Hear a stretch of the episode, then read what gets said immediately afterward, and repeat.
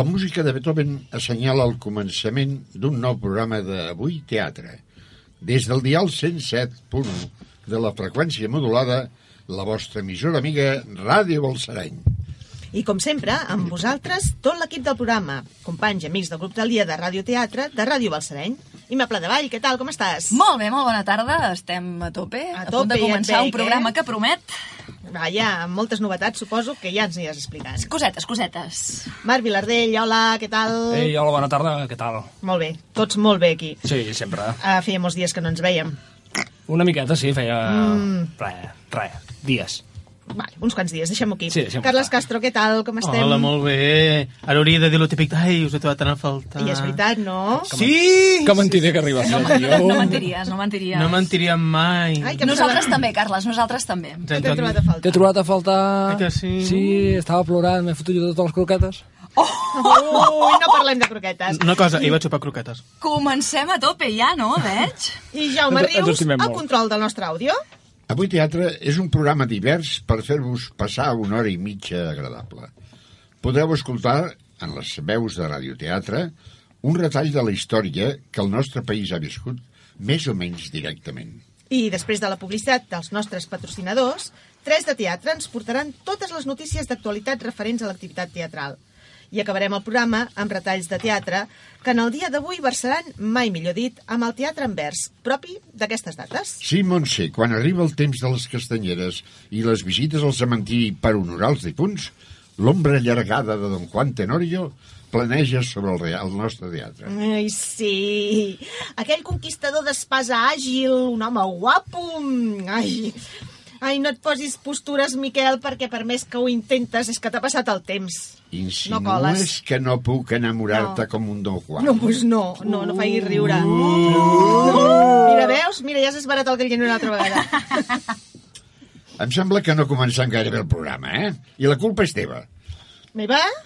Au, va, va, no facis morrets. El programa segueix i ara, seriosament. I serà conduït, com sempre, pels vostres amics, el Miquel... I la Montse.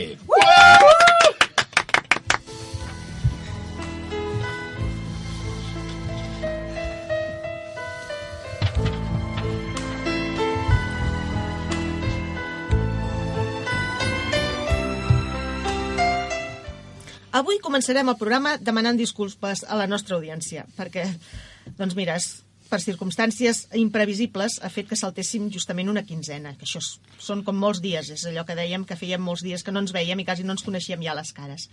Tot l'equip del programa doncs, ens hem conjurat perquè això ja no ens torni a passar mai més. I ara què, Joanàs? Què més bé?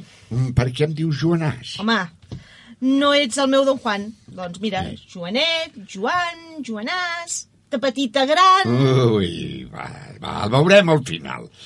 Ara tot l'equip del programa participarà en el relat històric d'avui, que recull uns esdeveniments de casa nostra molt esgarrifosos que van passar durant set dies, anomenats la Setmana Tràgica.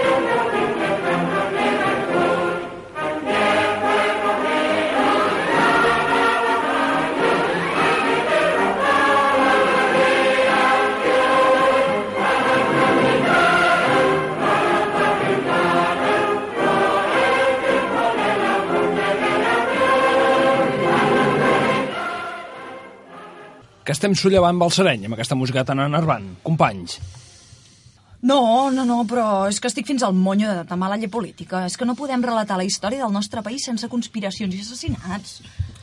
Tens raó, tens raó, noia. Però cal explicar tot allò que els va tocar viure els nostres avantpassats. Per bé o per mal, és història. i la gent ho ha de saber. No podem tancar els ulls a la realitat amagar, amagant el cap sota l'ala i fent veure que ja ha passat. No, no mira, eh, mai que acaba de passar res. Quan s'apaga un foc, queda un caliu, i d'aquest caliu en surt un altre foc. A veure, què havíem preparat per avui? Doncs eh, per avui havíem preparat una de tantes barrabassades dels nostres veïns massataris. Un mes dels assassinats dels Borbons contra la intel·ligència catalana. Aquesta vegada va ser Francesc Ferrer i Guàrdia i la Setmana Tràgica. Doncs mira, trobo que és un tema altament interessant i que marca el decurs de la història de Catalunya. Seria força assenyat separar els fets de la Setmana Tràgica de Barcelona de juliol de 1909 amb la figura del pedagog Fer Ferrer Guàrdia, malgrat que la revolta no va estar originada per cap concepte de l'ensenyament. I seria interessant escoltar en les veus dels nostres companys de radioteatre alguns dels fets més significatius, no? Sí, sí, molt bé. La Setmana Tràgica es produeix el 26 de juliol del 2 d'agost del 1909, però el trist desenllaç final és del 13 d'octubre de 1909. Tot comença, però, amb un decret del govern Maura, cridant a lleva reservistes de l'exèrcit arrel de la dita guerra de Melilla, que no és més que una de tantes guerres colonials perdudes de mala manera per l'exèrcit espanyol. El Miquel donarà veu a un ferrer guàrdia, exposant la seva idea de l'escola moderna a un polític significat del moment, com era Alejandro Lerroux, en un ambient privat. El Marc donarà veu a Lerroux en aquesta conversa que es podria haver donat.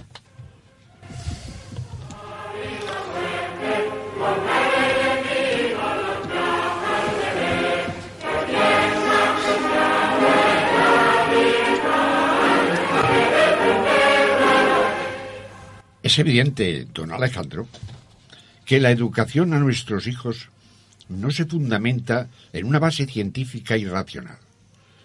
El clericalismo genera un freno tremendo en el fomento de la solidaridad y la enseñanza libre no coercitiva de nuestros estudiantes. Es por ello que el anarquismo opta por la creación de una escuela moderna y para ello nos apoyaremos en las vertientes sindicales obreras para así promover este tipo de enseñanza. Mi erudito pedagogo, señor Ferré, estáis proponiendo un tipo de enseñanza libertaria que no puede tener cabida en una España monárquica, donde el adoctrinamiento es vital para la fidelidad política. Vosotros, los catalanes, tenéis un concepto, un concepto muy amplio del liberalismo, pero estáis con ello de espaldas al régimen. Ved vos mismo que en estos momentos todos los esfuerzos políticos y económicos del gobierno de Su Majestad están encaminados a parar, como sea, y al precio que sea, la sublevación de las cávilas de Melilla, en una guerra idiota que no reportará ningún beneficio al país.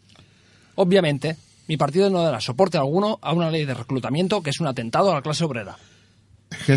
Como diría mi estimado bibliotecario de Sabadell, Mateo Morral, el anarquismo debe moverse para evitarlo. Pero vuestro partido, entonces, ¿no estará en el bando monárquico, señor Lerrouche? Ya, caballero. Mi partido no puede confraternizar con el clericalismo que engloba la bandera monárquica. Somos republicanos, anticlericales y obreristas, de arriba a abajo.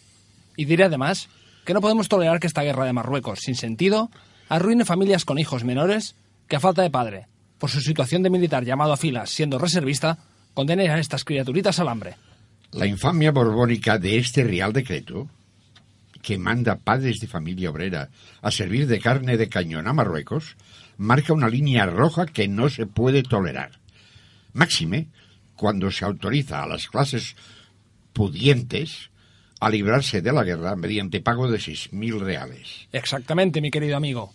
Y mi partido y yo estaremos al lado de todos aquellos que luchen contra esta ley indecente. Siendo así, señor Lerouche, celebraré poder contar con usted al lado del sindicalismo obrero. Sí, sí, claro, por supuesto. Dentro de la perspectiva obrera que ya tiene mi partido en su raíz. Claro que ahora lo más importante es la República. Con un régimen monárquico jamás se alcanzará las cotas de libertad que España necesita. España y Cataluña. Por supuesto, por supuesto. Ferrer i Guàrdia tenia clara l'actitud del diputat espanyol. Sabia que no era un home de fiar, ni cap possible aliat de cara a la lluita contra el decret de lleva del govern monàrquic. Entretant, Catalunya, i especialment Barcelona, bullia. Els sindicats anarquistes cridaven a la vaga general i els reservistes es negaven a anar a la guerra. Francesc Ferrer i Guàrdia era una peça més, però molt activa. Una peça més de l'anarquisme que es manifestava a Catalunya exclusivament, mentre la resta d'Espanya el moviment antiborbònic era més masell, llevat dels grans intel·lectuals de l'època, que, assiduament, es reunien al Cafè Candeles del carrer Alcalà, així com ara els germans Pio i Ri Ricardo Baroja i Ramon del Valle Inclán, juntament amb el col·laborador de Ferrer i Guàrdia, anarquista convençut i hàbil escriptor, el sabadellenc Mateu Morral. I és en el cas del Cafè Candeles on Ricardo Baroja fotografia a Morral i del Valle Inclán li dedica un poema especialment dedicat a l'home de la bomba que ara sentireu en la veu de Lima Vall. Claras lejanías, dunas escampadas, a la luz o a la sombra gladiando en el monte. Tragedia divina de rojas espadas y alados mancebos sobre el horizonte. El camino blanco. El herén barroso, la sombra lejana de uno que camina, y en medio del yermo. El perro rabioso, terrible el gañido de su sed can- canina. No muerdan los canes de la duna ascética. La sombra sombría del que va sin bienes, el alma en combate. La expresión frenética y el ramo de vena saltando en las sienes. En mi senda estabas, mendigo escotero, con tu torbellino de acciones y ciencias, las rojas blasfemias por pan justiciero, y las utopías de nuevas coincidencias. El poema representa una alegoria al que havia passat feia un any a París. En un atemptat ferit perpetrat per Mateu Corral, Morral perdó, contra el Borbó Alfonso XIII amb una bomba fabricada pel mateix Morral. I el temps era una premonició del posterior atemptat al carrer Major de Madrid. La fastuosa cerimònia de casament entre Alfons XIII i Victòria Eugènia a l'església de los Jerónimos de Madrid el 31 de maig de 1906 va acabar amb una tragèdia.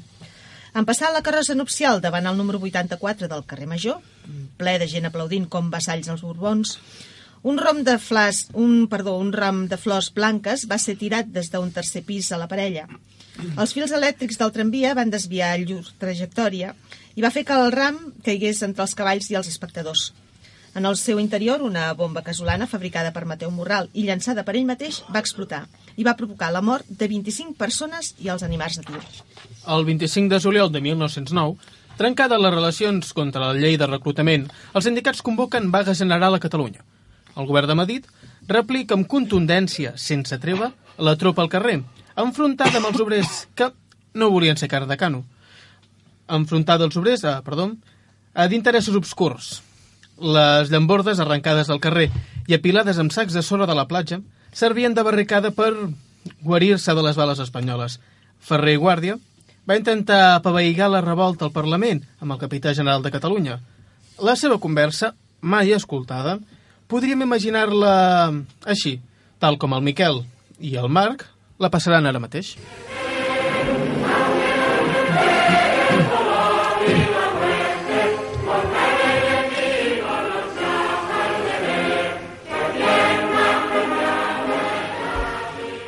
Es evidente, general, que la desproporción en las Fuerzas Armadas con unos obreros mal armados es un asesinato público. Hay que parar esta carnicería. No confunda, señor Ferré, la, la acción de la justicia con el asesinato. Mis tropas están intentando mantener el orden, que los sublevados antiespañoles han roto. Solo se puede parar con una rendición sin condiciones.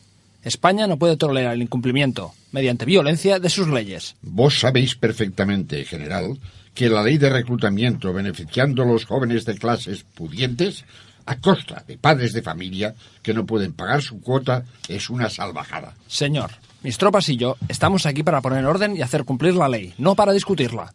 España no puede perder Melilla. General, usted y sus tropas no defienden España. No defienden Melilla.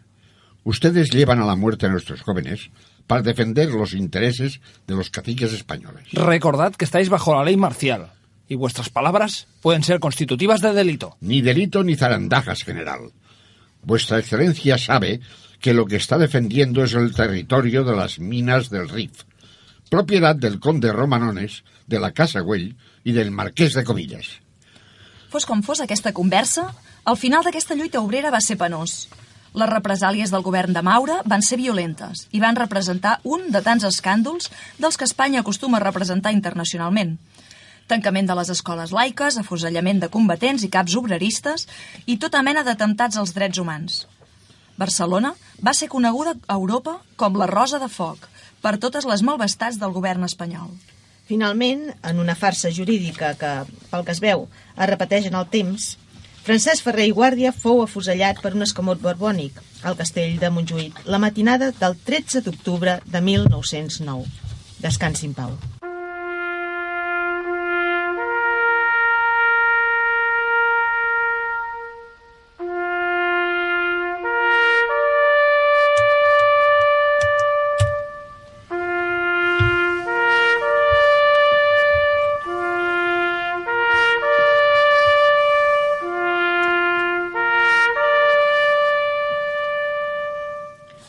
Realment, el que pot aguantar l'ésser humà és moltíssim, eh? Escoltant el que hem dit en el relat, és que et fas creus de la resistència. A mi el que realment em deixa al·lucinada és que existeixi gent que tingui tanta capacitat de fer mal dintre d'ells. Seguint el relat, es pot veure, pel que parla cadascun, que és un problema de cervell. Hi ha qui té matèria gris i hi ha qui en lloc seu té tos- testosterona. Sí, teniu raó. Penso, com diu el Marc, és un problema de cervell. Però cal no confondre l'accés de testosterona amb la psicopatia, que molta gent que tot ho arregla garrotades pateix. Ara, per canviar el xip una mica, Jaume, entrem a la publicitat i som amb la música de Ray Connick.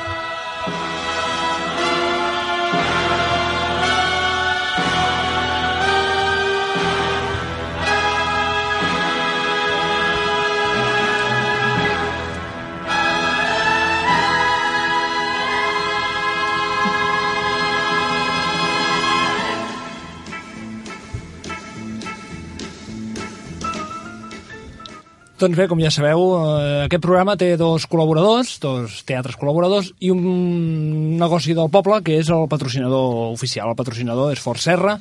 Un cop més, i gràcies al Jaume, hem pogut gaudir d'una d'aquestes meravelles que tenen al Fort Serra, una Boníssima. ensaïmada amb xocolata, eh, que sí, que se'm fa la boca Jo és que el meu tros se l'ha menjat el Marc i m'he quedat sense, per tant jo crec que n'hauries de portar una la setmana que ve. Eh, bueno, ja portaré alguna altra cosa. si Va, cas, que jo t'he vale, vist. Imma, jo t'he vist, eh? Va, va, no dissimulis. No, que passa que li, Però- Ah, li, jo pensava que tu tampoc n'havies menjat, No, Montse. és veritat, jo tampoc no n'he menjat. Se l'ha menjat el Miquel, no, el teu tros? Ah, no cosa que he sigut el primer de menjar-me. I, i, el, I el tros del Carles se l'ha menjat el Jaume. Vull dir que hi ha tres persones Sí, sí, que no n'han menjat.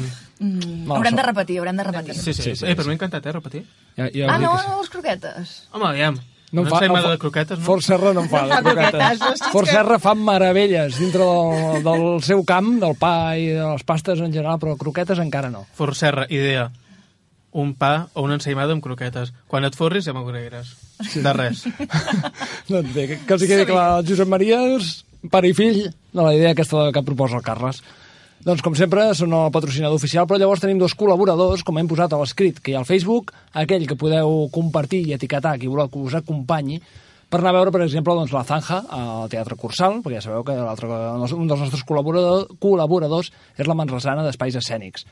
Podríeu anar a veure, si guanyeu, doncs, l'obra de teatre La Zanja de Titzina Teatro el proper dijous eh, a les 8 de la tarda.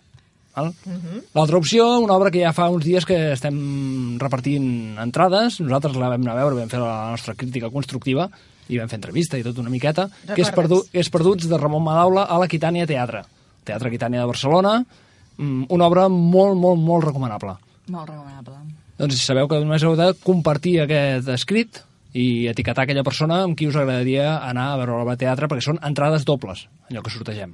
Doncs va, gent, animeu-vos, Perfecte. que està superbé tot això. Exacte, exacte. Hauríeu de tenir el Facebook bloquejat ja aquí. Teniu temps fins dimarts al vespre. Dimarts al vespre farem el sorteig i allò que, allò que diuen, quan un cop s'ha fet, s'ha fet. Vull Que dir, reparteixi sort, no?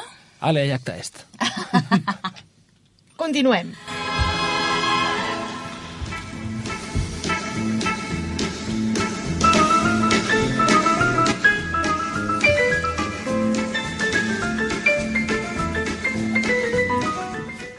continuem. Continuem entrant a la segona part del programa i ho fem amb els tres de teatre. Jaume, música! Molt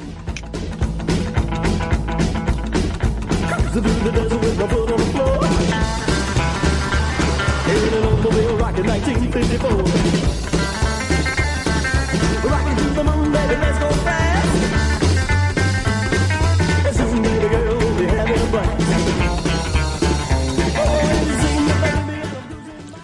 bona tarda i benvinguts a una nova edició del programa 3 de Teatre. El Marc, el Carles i jo mateixa us acompanyarem a donar un vol per les diferents pels diferents punts de l'escenari teatral de casa nostra. Però primer escoltarem unes veus amigues, no?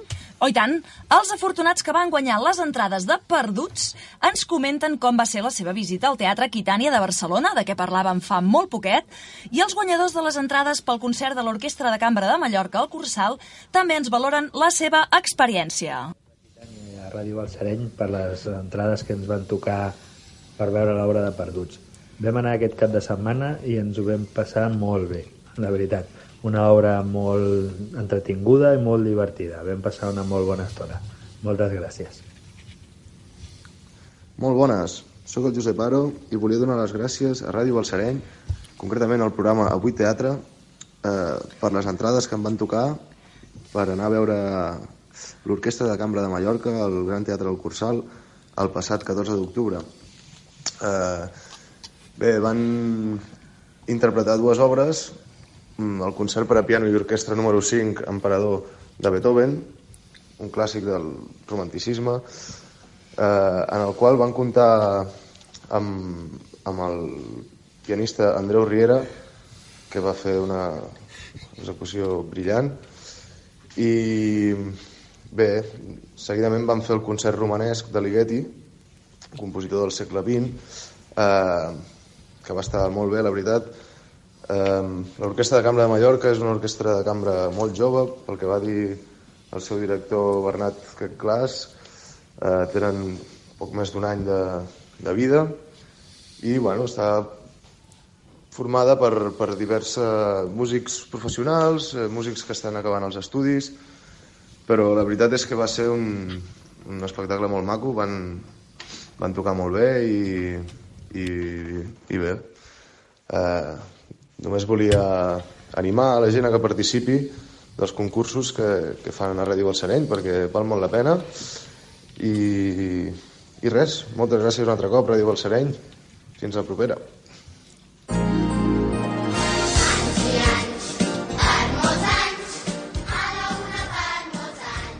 Bé, doncs gràcies per aquestes col·laboracions, aquests comentaris, i sense més dilacions començarem amb les notícies. Posem aquesta música doncs, perquè el Teatre Conservatori de Manresa està d'aniversari, no gaire temps després de salvar-se d'un enderroc. Avui, 140 anys separen l'emblemàtic Teatre de Manresa del seu naixement, i per celebrar-ho s'han fet diverses activitats, entre les quals ahir va haver-hi visita a les instal·lacions del teatre que es van convertint doncs, en espais per treballar, dinamitzar o bé per millorar el treball escènic.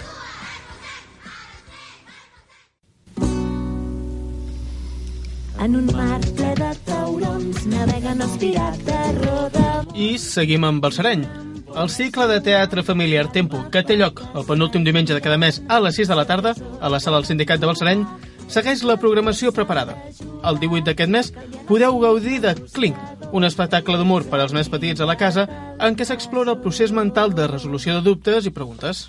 I ara ens movem cap a Barcelona, cap al Teatre Lliure, per fer-nos ressò de l'estrena de la Cronologia de les Bèsties, un text de l'argentí Lutaro Perotti que mostra el, retor el retorn en una, a una família després de més d'una dècada d'un fill desaparegut a l'edat de 12 anys.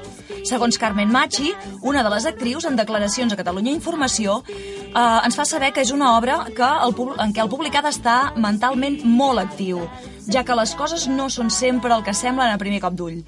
L'obra, de la qual no han transcendit gaires detalls per evitar spoilers, és, segons Machi, la que li genera més inseguretat de totes les que ha fet mai. I finalment destaquem la censura que ha estat sotmès l'espectacle d'un còmic televisiu qui va protagonitzar un gag amb una bandera.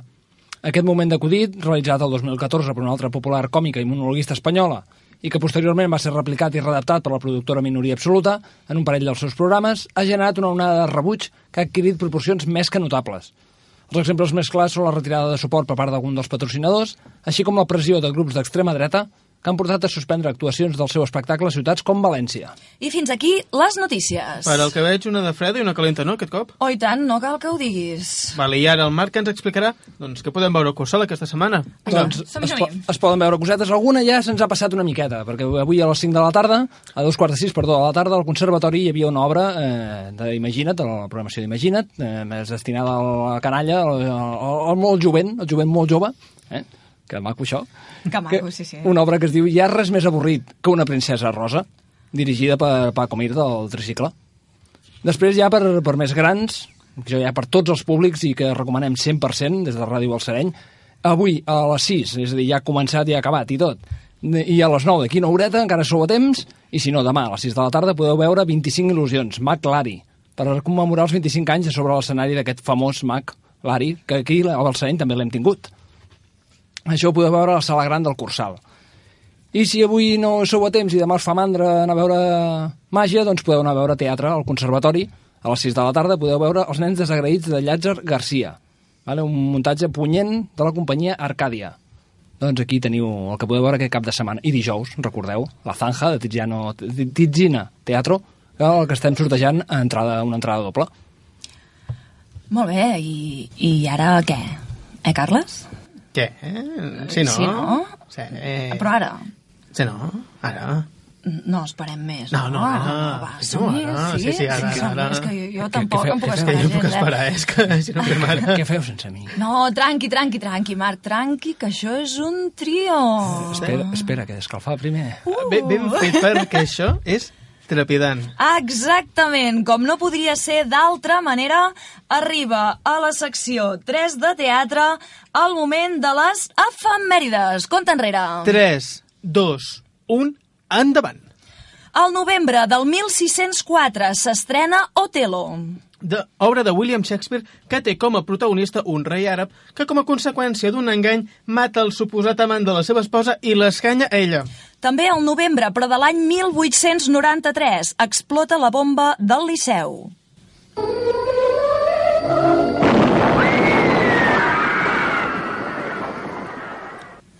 Novembre, ens movem ja al segle XX, any 1924, mor Puccini. Autor de la Bohème i d'un munt de peces utilitzades pel celebríssim director Alfred Hitchcock. També, novembre 1928, debuta el simpàtic Mickey Mouse. que ha acabat sent la figura estrella de la més emblemàtica productora Disney. 1942, al mes de novembre, s'estrena Casablanca. Louis, I think this is the beginning of a beautiful friendship. L'any 1960, al mes de novembre, neix Jodie Foster. Guardonada amb un Òscar eh, i que encarna la veu de Maggie Simpson de McGrennon. L'any 1963, mes de novembre, s'estrena Doctor Who. La sèrie de ficció més longeva de la història i que encara dura avui dia. Oh, i tant. L'any 1995, mes de novembre, s'estrena Toy Story. To infinity and beyond! Novembre de 1991, mor Freddie Mercury. Uf,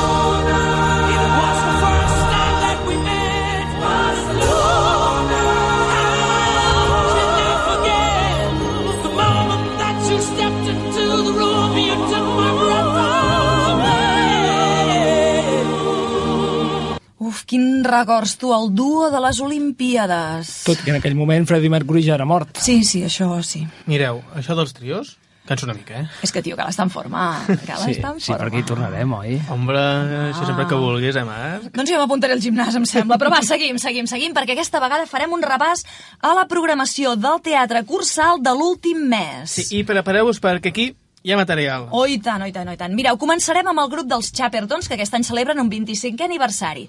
Per qui no conegui els Chapertons, és, són un grup de teatre gestual que eh, es basen en l'ús de pneumàtics per crear-ho tot, l'escenografia, l'utillatge, els moviments, etc etc. I amb ells volem parlar d'aniversaris, perquè per celebrar aquesta efemèride han fet un recull dels seus millors gags i, eh, doncs, igual que han fet altres companyies que també estan de- d'enhorabona enguany. La meva pregunta és, us agraden els espectacles recull? Home, jo penso que està bé, perquè a vegades te n'oblides una miqueta d'allò que van fer al principi, aquell grup, quan va sortir, i d'aquesta manera recuperes una miqueta... Exercitem la memòria. Clar, aquí lo, lo, lo important és que podem veure que quan una, una companyia celebra el seu aniversari, normalment pot fer dos tipus d'espectacle. O un recopilatori, com podem ve, veure que ha fet aquest grup, o inclús, com va fer de Goll de Gom el 2014, que va fer el 40 aniversari, que va fer una espècie de mashup de, de cançons de, que, que, durant la seva història, o grups que realment fan una obra nova, com seria Eva, Eva, que, de, de teatre. de, de teatre. Lo bo, com o, dius o, tu... Com fa, o com ha fet McLary, que, que els, per sobre els 25 anys també fa una cosa totalment nova. Totalment Lo bo, nova. que les dues coses tenen coses bones. Si fas una recopilació, és el que diu el Marca. Pots fer que els més petits de la casa, que no han vist que hem fet aquell grup, doncs veguin coses que van veure els seus pares, potser. Mhm. I això, per tant, suposo que es trasllada en una varietat de generacions en el públic perquè si es van fent recordatoris i de més, eh, les peces vol dir que no caduquen, és a dir, que coses que fa, van fer fa 25 o 20 anys segueixen vigents Vigents. avui dia? Mm? Jo diria que una peça caduca quan s'oblida. Si es va fent, si es va recordant, sempre estarà viva. Estic totalment d'acord amb, amb aquesta afirmació, no puc, no puc dir el contrari ni molt menys. Que filosòfic que sóc Que filosòfica Sí, eh? t'estàs posant, eh? recordat una miqueta el món clàssic, que deien que l'home no mor fins que no se l'oblida, una cosa així, eh? Sí, el, el món Mare. clàssic deien, deien aquestes coses. I uh, una cosa que us volia demanar també, el tema del el teatre gestual, creieu que és per alguna franja de públic molt especial? És per tots els públics? Creieu que costa més d'entendre en un moment o en un altre? Jo crec que és per tots els públics, no? Perquè no, des del punt de vista de, de tenir un fill petit, petit ja, no tan petit, però bé, el fet, el fet de tenir un fill en edat escolar, doncs veus que el gest sempre l'entén. Potser el vocabulari és més complicat, perquè a vegades podem buscar paraules massa complexes pel, pel seu nivell, i en canvi el gest sembla que tothom l'entén. Exacte, també et, eh, et diria que sembla que es parla teatre, et ve al cap obres de text, amb grans textos, grans monòlegs, i potser el teatre gestual costa més de... O potser sempre s'associen al teatre infantil. Hi ha peces de teatre gestual que a nivell infantil ni, ni, ni t'ho pots imaginar de, de, de, de portar-les, perquè s'expressen coses molt fortes. I, I llavors, llavors una cosa que, que s'ha de tenir en compte, penso, fins i tot aquí, quan ara que estem fent ràdio, i que la gent no ens veu, però la importància del gest, perquè intentem fer el programa amb les mans enganxades a les cames sense moure'ns, a veure què ens passa. No, jo no agafo el repte. Jo tampoc. No, és, que, és que és, és impossible, és, és allò, de- necessitem moure'ns, llavors penso que és, és molt important no, la gestualització en general, doncs encara més amb, amb una obra que només sigui gestual. Perfecte. I finalment, per tancar aquest tema, us agraden els aniversaris i els aniversaris de les companyies? Bueno, m'agraden més els- els aniversaris dels components de la ràdio perquè mengem coses del Forcerra, però, però sí, penso que està bé que les companyies puguin celebrar aniversaris doncs perquè vol dir que continuen vives i que, i que la gent els continua seguint i, i que agrada allò que fan. Doncs bé, seguim ara amb la part musical, perquè durant aquest mes també hem pogut veure propostes molt diferents. Començant per la Copla de la Taverna, val? que és un concert que va eh, fusionar la copla i les habaneres, fins a Manresa Balla, una iniciativa que comptava també amb molta participació popular, passant per coses com Menage a Xavier Ricarte, Judit Nederman, Albert Pla, Sinatra Tribute o Damaris Jalabert. Si us demano quin és el vostre panorama musical predilecte per anar a veure en un teatre com és el Gran Teatre del Cursal, que deia aquest espectador que ens ha ofert aquest àudio, O sigui, no, no, llavors no, pot- no pot ser escà, no? Per anar a veure el Cursal no podria ser escà, doncs... Home, jo que no me l'imagino, eh, el Cursal. Home, jo potser sí, eh? No sé com acabaria el Cursal, això és una altra cosa, però... aquí tornem a parlar de la importància del gest. Correcte. Exacte, perfecte. Però del que hem pogut veure aquests dies, jo definitivament em quedo amb, amb Judit Nederman. Per què? Però M'agrada veure, sentir veus femenines, sobretot, i més veus així potents, contundents, amb aquest estil tan personal. No t'agrada sentir les veus femenines, t'agrada veure Eh, no, no, femenines. no, no m'agrada sentir-les. Ah, ja, sentir-les. Ve Ja, segur. Veure-les també, però quan parlem de música m'agrada sentir-les, m'agrada escoltar-les. Doncs mira, jo m'agradaria quedar-me amb l'Albert Pla. Amb l'Albert Pla. Sí. Personatge on n'hi hagi. Personatge on hi hagi. Us recomano a tots els que ens esteu escoltant que mireu les dues entrevistes, una que va fer amb el Buenafuente i l'altra que va fer amb la Resistència. El Aquest presentador senyor- David Broncano, estem parlant? Sí. Um, només us dic una cosa. Si mireu la del David Broncano, sentireu pena per ell. Perquè l'Albert Pla se'l menja amb patates. És un, Està- és, està és un senyor que fa coses. És, està disponible a YouTube, vull dir que qui Està vulgui posa la resistència Albert Pla i li sortirà. Uh -huh. Doncs és un senyor que balla i fa coses. I dona ganes al presentador de dir, vale, mm, adeu programa, tanquem, m'amago sota la taula i no surto fins aquí tres mesos. M'has trolejat. Us agrada que us trolegin quan aneu, a, quan aneu al teatre? Depèn. Uh, podem desenvolupar una mica aquest depèn?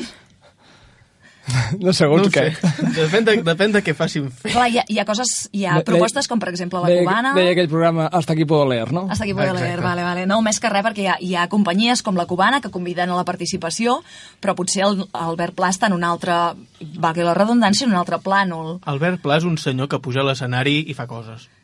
Quines coses fa? Perquè és català, no? Coses, sí. És català i els catalans hacen coses. Les catalanes hacen coses. Sí. Bé, doncs podríem parlar durant hores eh, del que ha passat per la programació del Galliner en aquest últim mes, però només, bueno, intentarem ara parlar breument de la part de teatre, perquè s'ha pogut veure Sopa de pollastre amb ordi, Espanya ingovernable, ingovernable perdó, o Un tret al cap, com a obres d'un tarannà una mica més seriós o més líric, i llavors, en un altre vessant, s'ha pogut veure Mala Broma i el monòleg de David el Guapo, que tenen doncs, aquesta vessant, com dèiem, una mica diferent, molt més còmica, i finalment també hi ha hagut temps pel teatre dels més menuts. Uh, hi ha el blog Imagina't, que ha presentat doncs, sempre de vacances. Uh, a veure, parlem de gènere al teatre, al teatre cursal, no? Hi ha suficient oferta, n'hi ha massa, trobeu alguna cosa a faltar? Què us sembla? Jo crec que hi ha una miqueta de tot. Vull dir, Mm. allà com vam fer l'entrevista amb, eh, amb en Joan Morros, vull dir, ens va deixar clar una miqueta que intenten arribar a tots els públics, de, fem una oferta variada doncs, per poder una miqueta que tothom s'hi senti representat i que tothom pugui venir al teatre en un moment o un altre de la setmana o del mes a veure la seva obra. Mm, Exacte, jo crec que això es veu molt, molt reflectit perquè si agafem ja des de totes les edats, tenim l'Imagina't, que és per nens petits, Sí? tenim el Teatre Jove, que són obres pels els adolescents i que, des d'una certa perspectiva, són els mateixos adolescents qui venen entrades, qui proposen obres per, per anar-hi, inclús pensen també en els jubilats. Ah, sí? També perquè, quan depèn de quines actuacions o quines representacions, ja les fan entre setmana i a primera hora de la tarda perquè eh, els jubilats hi puguin anar ja a un preu especial també. Qui per temes d'infraestructura doncs, ho tingui més complicat pot accedir-hi. Exacte. De fet, si parlem d'això, també veiem que a l'hora d'anar al cursal tenim una pila d'avantatges. Hi ha el carnet, de, el carnet del cursal, el carnet del galliner, perdó, que dona accés a descomptes, però també per la gent més jove i la gent més gran hi ha preus especials, acostumen a fer un munt de, de promocions. Uh, creieu, suposo que sí, eh? però comenteu una mica el, el merescut, el, el premi que van rebre uh, a la Gala Catalunya Aixeca el Taló sobre, sobre doncs, la, la rellevància que han tingut a l'hora de promocionar el teatre, en, no només en general, sinó en edats concretes o en totes les franges d'edat. Jo crec que, que és un premi molt merescut, que realment doncs, des del Galliner s'ha fet una feina brutal doncs, per aconseguir que un teatre, que com dèiem va estar a punt de ser enderrocat, primer, mm, aconseguir que no, que no fos derruït, aconseguir rehabilitar-lo i a més aconseguir que sigui un dels teatres o el teatre mm, més representant de la Catalunya central i gairebé diria que mm, un teatre amb, no sabria com, dir, com expressar-ho exactament per no oferir sensibilitats tampoc, però un dels teatres més importants de Catalunya. Té una gran projecció, això sí que estarem d'acord, suposo, tots tres? Mhm, sí, sí, sí. Té, té una gran projecció. Sí, doncs, fins aquí el nostre anàlisi de l'últim mes al Cursal. Uh, un trosset molt petit, ja que podríem estar aquí parlant hores i hores, eh? Hores i Eh, hores. eh, eh, eh, que ens cansaríem, eh? No, no, no, no, que jo em canso. No, no voldràs fer un altre trio, tu, ara? Home, Uh, a veure, a veure, a veure, dosifiquem-nos, que no es pot cremar tot en un mateix dia, eh? Doncs haurem de tornar a intentar en un altre programa. jo crec que, que el Marc abans es queixava que el deixàvem de banda, però el que té més ganes, eh? Sí, sí, sí, jo crec que el Marc està molt, molt animat, així que trio, passem la veu a la Montse i al Miquel i seguim amb el programa Avui Teatre. Ens sentim a 3 de Teatre en el proper programa. Fins la propera. Adéu. Que vagi bé.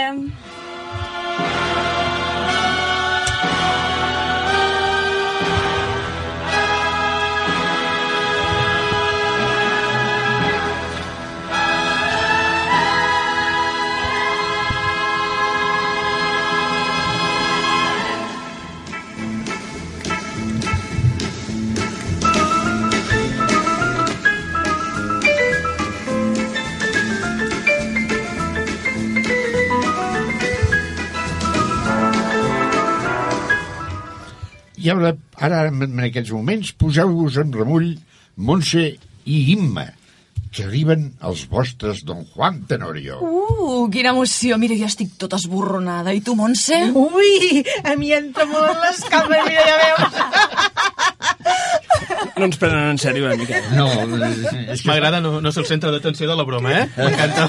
és que saps què passa, Marc i vosaltres? Que aquesta època parlar del mite de Don Juan et pot provocar certa hilaritat. Però realment és una obra que mai podria faltar a la cartellera teatral i a la televisió espanyola en aquestes dates. Sí, bueno, però de quan parles, eh? Oh, i tant. Ah. I, però no et pensis, als eh, finals del segle passat, i concretament eh, cap als anys 90, això encara passava, eh?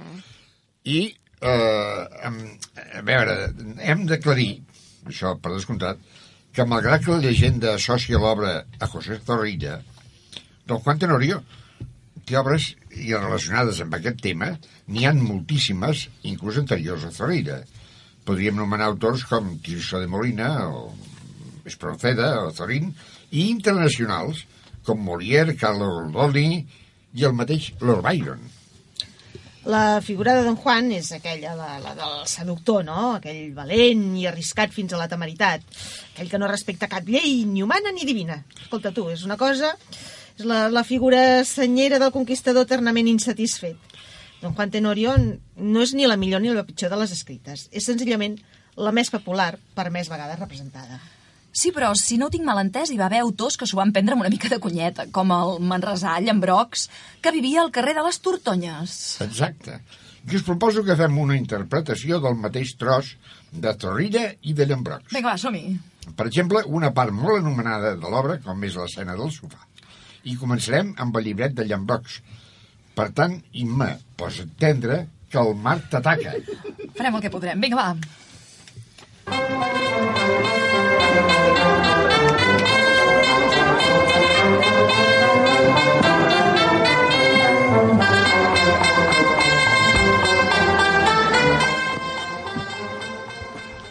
Ah, no os dé cuidado por don Gonzalo, que ya dormir tranquilo le hará el aviso que le he mendado. Le habéis decido. Que estabais en mi palacio segura ai. y a la hora del campo pura, cual libertad respirabais. Que el maté, doncs, vida mía. Aseute aquí y un momento. No pienses en tu convento, ni en tu padre, ni en tu tía. No es verdad, me caso en ronda, que estándote a mi costado, sens uns olors d'estofado, com si entressis a la fonda. Aquella olor suave y fina que sale de las cocinas cuando guisa a las vecinas los pequeños de gallina. Aquí vi fet de fuixina que paga el consumidor como si fuera del mayor y es toda una porquería. No es verdad, fardasa mía, que están respirando hemor. Estas coplas callejeras que a las seis de la mañana ya nos quitan la huelvana sonando por las aceras. La voz clara y las maneras de la moños. El primor, cuan que ella baila al foxtrot. Su dulce zalamería. No es verdad, morros de higa, que están respirando hemor. Y estas palabras que están entrando profundamente en tu, en ti corazón, pendiente de las calzas de Don Juan, y cuyas aldeas van enciendo en ti exterior un fuego que te da escalfor, no sentido todavía. No es verdad, Nasdas Virginia, que están respirando hemor. Y esta furto de suo que se siente a ti costado, que si no estés constipado, me haría arrojarlo tot. Y ti boquita de bot, que no diu res todavía, por más que escansi la mía, de hacer tanto el tabalot. No es verdad, ocos de sipia, que están respirando hemor. Oh sí, doña, hermosa doña Inés, mirall y luz de mis ojos, a escucharme sin anocos, con tu faz, hemores. Mira, allegudo a tus pies, todo el altivo rigor de este tros de hasta Quirot, que rendirse no creía, edorando, chata mía, la esclavitud de ti amor. Callad, por Dios. Oh, don Juan, que hasta me haráis risar si no me hiciera aguantar al público que tinc davant. Oh, callad por compasión. A escuchar vuestra voz, me parece que hay un gos que em rosega el corazón. Potser passéis, don Juan, un martirioso muleto que vos me arrastra en secreto, cual irresible imán. Tal vez Satán ponía en vos su vista fascinadora, su palabra seductora y el amor que negó Dios. ¿Y qué has de hacer, ay de mí? Más que caer en tus brazos y el corazón a cabazos me está robando de aquí. No, don Juan, jo d'ahí espero. Resistir-me no puc ja. Jo vull a ti, com va la sogra tras del coladero. Si presencia me enajena, tis palabras me alucinen, y tis ojos me fascinen, ti aliento me envenena. Don Juan, don Juan, jo lo imploro. De ti ha d'aiga compassió. O arranca-me els ulls de poll, o ama-me perquè t'adoro. Mira, eh, Imma Marc, m'heu deixat sense paraules amb aquesta escena. Ara m'agradaria veure si el Miquel és capaç de fer tremolar les cames a la Montse amb aquesta versió de, de Zorrilla. Taca, taca, Miquel.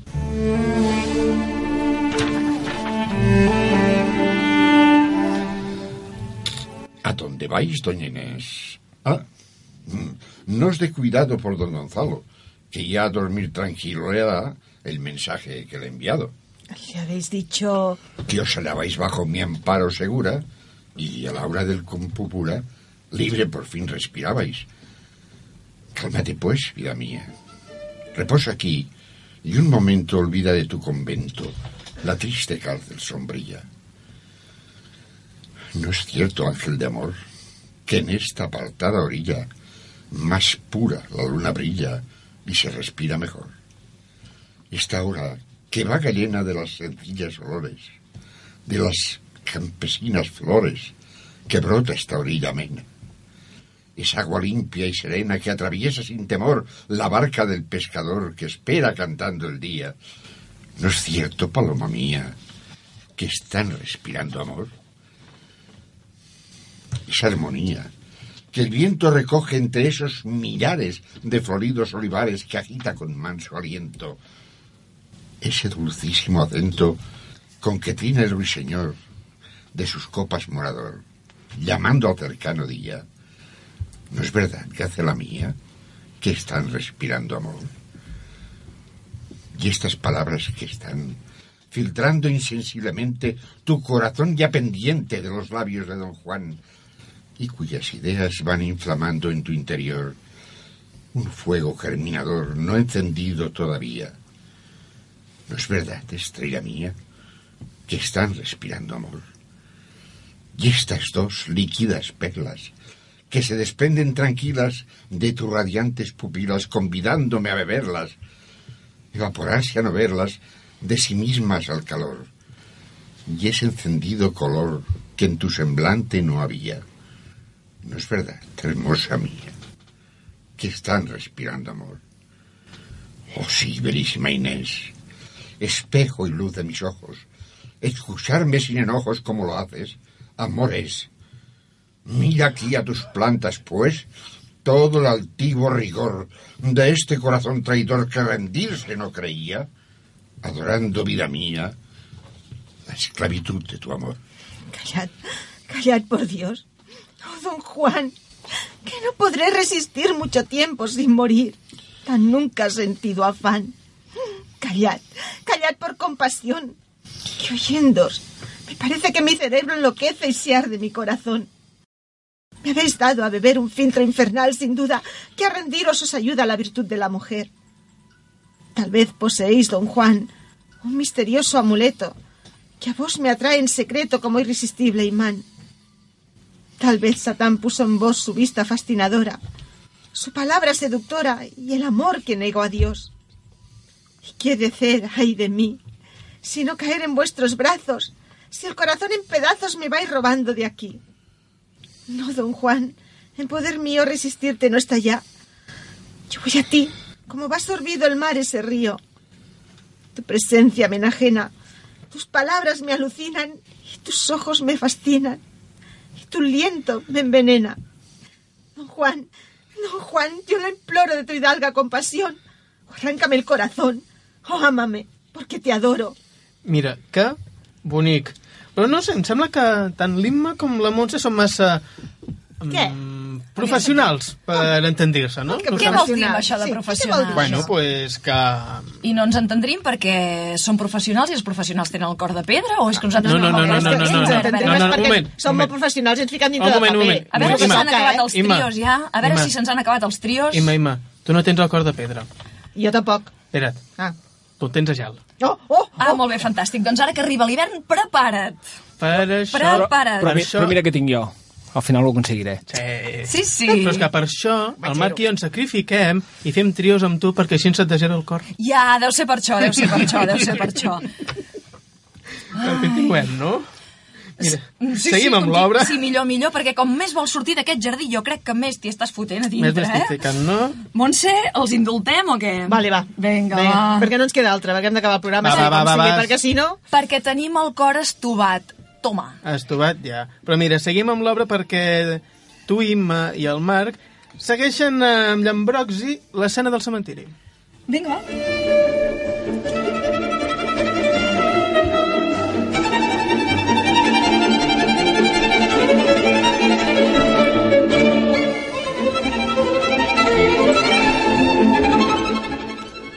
Esta frisca sapolcral me ha hecho muy mal de cap. I... Ya m'he constipat. Me está bien por animal. Mas que veig, del pedestal ha guillado la escultura. ¿Qué es esto? Aquella figura fue creación de mi afán. No, mi espíritu, don Juan, te sintió en mi sepultura. Doña Inés, sombra querida, ánima de algún botón, no me quites la razón, si has de quedarme con vida. Si eres fantasma fingida, nacida de mi locura, no aumentes mi desventura burlándote de mi afán. Yo soy dona Inés, don Juan, y vengo a darte una ayuda. Pero si era un mucador lo que había demandado. El segundo apuntador se debe haber equivocado porque dándome esta eina me he dicho, sal dona Inés. Pues nos han bien compromès i no cobrarà la feina. Però vives? Sols por ti, porque tinc mi purgatorio en este mármol mortuorio que em van fent antes de ahí. I com estàs de diners? Don Juan la bailo muy grassa, perquè aquí, al anar a la plaça a comprar, no pago res. No se paguen los sabaters, los sastres i, en fi, a ningú. I, i això és cierto? Tan segur com que dos i dos fan tres. Mas yo somio quizás quan las sombras de un andén. No, que si caras obras bien, conmigo también vendrás. Mas si obras mal, sufrirás a- en el infierno de la tortura. Y no seas criatura que esta noche, don Juan, esto del plazo que te dan para buscar sepultura. Adiós, doncs, que se'm fa tarde y se'm crema l'estofado. Ahora ya estás avisado. Hoy por hoy no haces alarde de ti valor sin igual. Que si por casa haces esto, cayendo en pecat mortal, al infierno irás muy de presto y tal día farà un any. Doncs, decididament, com dèiem a l'inici, Don Juan Tenorio dona per molt. I ara escoltarem a la Montse i el Miquel en la mateixa escena, això sí, en la versió de Zorrilla.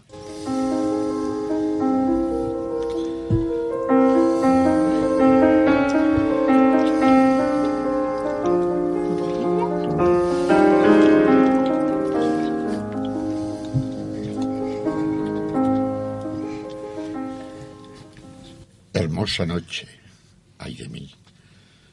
Cuántas como esta, tan finas y tan puras, en infames aventuras desatinado perdí. Cuántas al mismo fulgor de esta luna transparente arranqué algo inocente la existencia o el honor. Sí, aún hoy, después de tantos años, cuyos recuerdos espantan, siento que en mí se levantan pensamientos en mí extraños. ¿O acaso me los inspira desde el sitio donde mora esta sombra protectora que por mi mal no respira? Mármol, en quien doña Inés en cuerpo sin alma existes, deja que el alma de un triste llore un momento a tus pies.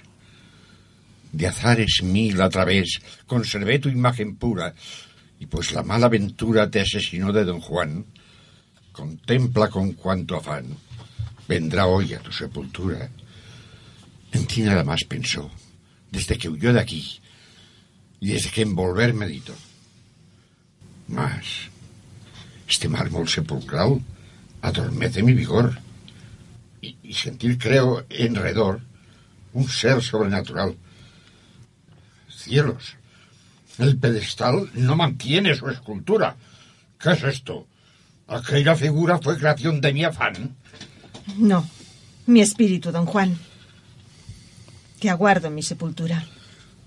Don Inés, sombra querida, alma de mi corazón, no me quites la razón si me has de dejar la vida.